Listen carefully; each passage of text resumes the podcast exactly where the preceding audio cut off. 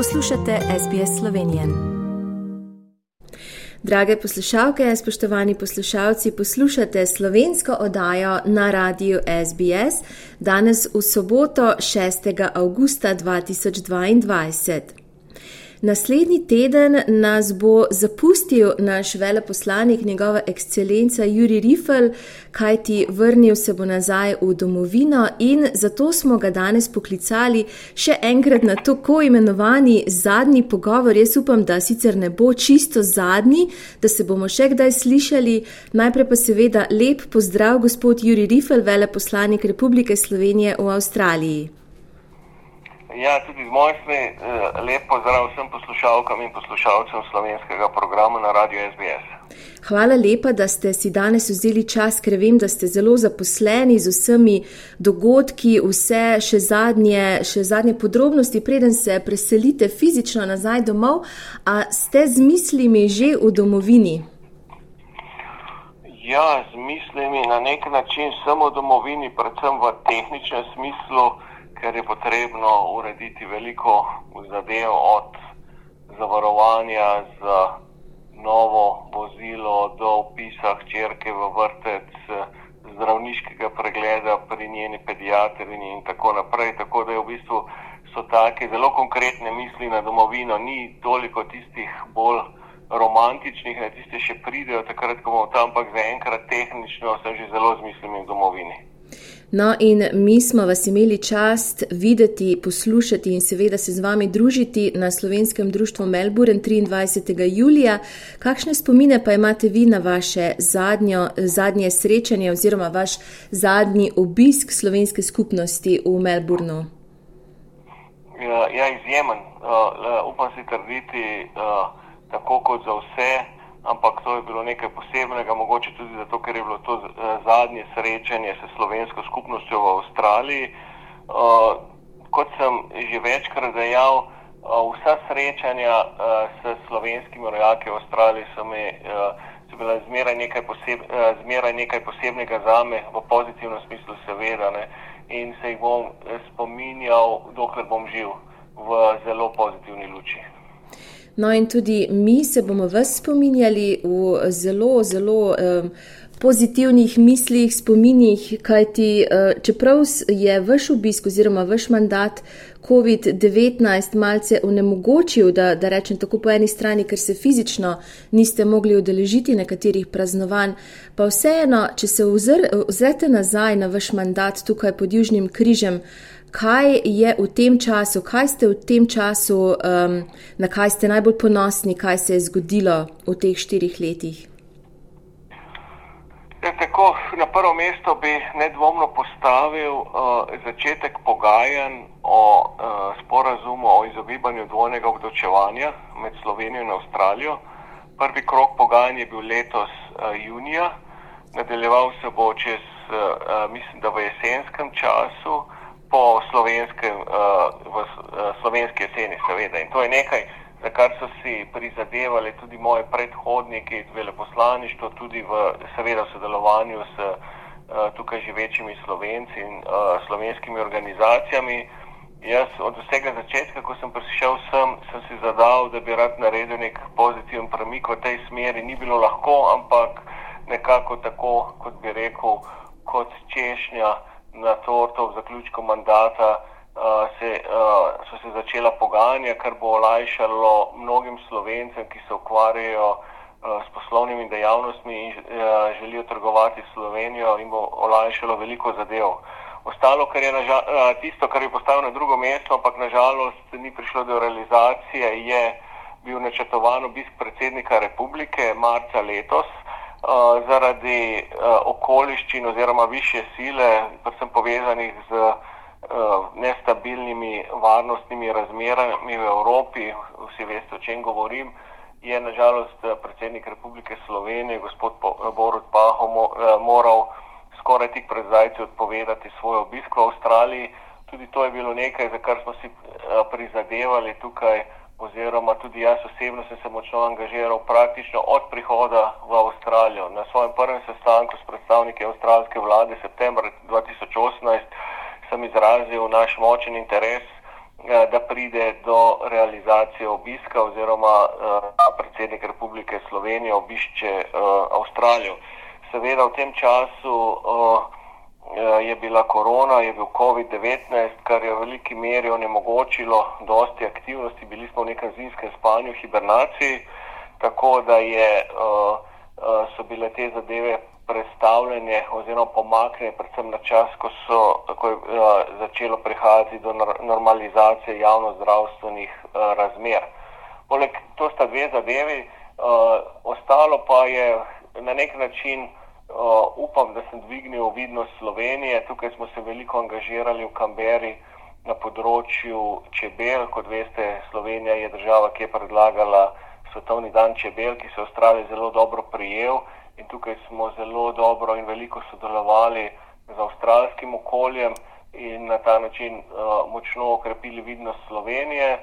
In poleg tega je bilo še nekaj drugih uh, zadev, recimo Eh, ko sem bil v začetku meseca julija v Melbournu, sem imel uh, manjši nastop oziroma manjše predavanje na uh, Deakin University leta 2019, ne, pardon, 2020 na univerzi v Adelaide skupaj še s tremi veleposlaniki Evropske unije, tako da je na nek način uh, uh, sem po svojih močeh skušal širiti uh, vedenje o Sloveniji in povečevati njeno vidnost v pozitivnem smislu. No, in tudi, ko je Slovenija predsedovala Evropski uniji, ste gostovali v avstralskem parlamentu in smo vas lahko videli, uh, in seveda je speaker pozdravil vas. Uh, in Tanja Plibršek ima tudi slovenske korenine, kot vsi vemo, In letos v Kamberi je pa spregovoril njen brat, in žal se ona tega srečanja ni mogla udeležiti. Kako pa ste z njo sodelovali, oziroma kakšno, kakšno, kakšne boste imeli spomine na, na vaše sodelovanje z njo? Zelo dobre. Na nek način je bila ona oseba, ki nam je pomagala pri tem, da smo lažje razumeli, kako deluje avstralski politični sistem, ne toliko v formalnem, kot v neformalnem smislu. In uh, uh, gre za uh, zelo ugledno avstralsko političarko, ki je ponosna na svojo slovensko identiteto, kar je nekaj, kar zelo cenimo.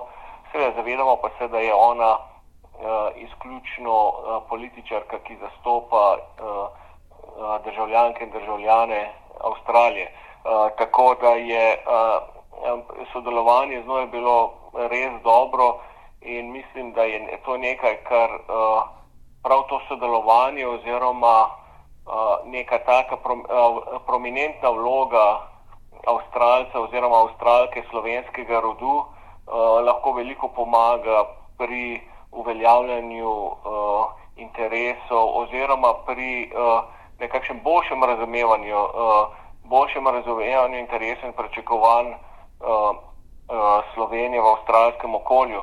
Seveda na drugi strani treba povedati, da imate Slovenija in Avstralija že kot taki zelo dobre odnose, ker gre za dve državi, ki uh, imata praktično identične poglede na to, kako je treba urejati uh, razmere v mednarodnem okolju, tako da je uh, tudi to je, uh, neka dimenzija, ki uh, uh, jo je potrebno povdariti.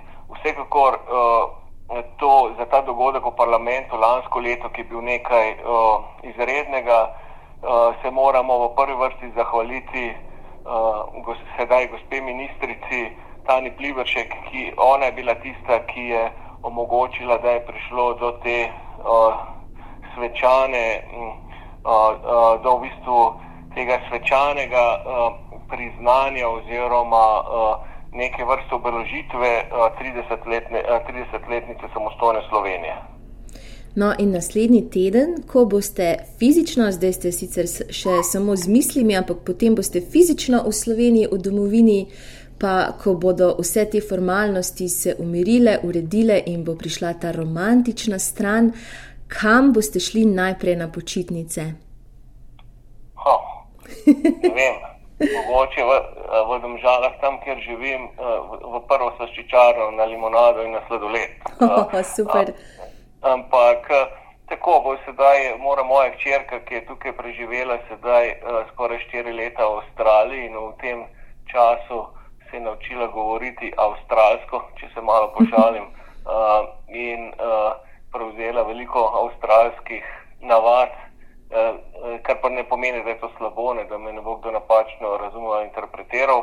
V glavnem bomo šli najprej na nekaj teh slovenskih uh, lokacij, od Bleda, Logarske doline, Kranske gore, na obalo, v Piran, Portorož, tako da bo njen prvi vtis sedaj, pri uh, dobrih petih letih, bo, uh, da si bo vse te slovenske najbolj znane podobe nekako, da se bo vtisnila v podzavest, če se tako izrazim. In, je, uh, in to je potem tisto, kar, bo, kar bom naredil najprej. Potem pa naprej, nek, uh, ko se bodo stvari začele umirati, seveda veselimo se že tak, uh, božično-novoletnega časa, ki je v Sloveniji posebej, ki se ga v Sloveniji obeležuje na, na takšen zelo uh, bogat način, če se izrazim in imamo že načrte, da bomo uh, zelo pogosto obiskovali božični sejem v Ljubljani, tako da uh, to, nekaj, to je uh, nekako tako okvirno, seveda bo pa še uh, prišlo tudi uh, kaj drugega. No, in seveda tudi vaša soproga ima Slovenijo, nosi jo v srcu, jo ima zelo rada in se verjetno tudi izjemno veseli, da bo obiskala vašo domovino. Ja, res je, res je. Ona se uh, zelo veseli uh, uh, vrnitve v Slovenijo, čeprav po rodu ni slovenka, ampak je vzela Slovenijo za svojo domovino in je že zelo, če se tako izrazim, s težkim srcem čaka uh, odhoda. Skoraj odšteva ure in ima že polno načrtov, kaj vse bomo počeli v Sloveniji, kaj, kaj bomo delali in tako naprej. Tako da je uh, v, praktično vsi v celi družini smo pripravljeni na vrnitev. No, in mi vas bomo spremljali v duhu in tako le z mislimi, in vam želimo, seveda, srečno in varno vrnitev nazaj v Slovenijo in upamo, da se bomo še kdaj videli, slišali, vaša ekscelenca. Jaz se vam najlepše zahvaljujem za vse. Lahko seveda govorimo o imenu vseh sodelavcev radia SBS in slovenske skupnosti v Melbournu in v Avstraliji, da se vam zahvalim iz srca za vse, kar ste naredili za nas in seveda vam želimo srečno, srečno še naprej v vašem življenju. Najlepša hvala uh, za te želje uh, in tudi jaz uh, z moje strani želim slovenski skupnosti Avstralije, da bi še naprej, da bi obstala, ampak v to nimam dvoma, glede na to, kaj sem videl, kako aktivna je in predvsem, da bi se krepila in da, bo dolga, da bodo še dolga desetletja tukaj, ko bo slovenska identiteta prisotna v državi pod Južnim križem. Všečkaj, deli, komentiraj. Spremljaj SBS Slovenijo na Facebooku.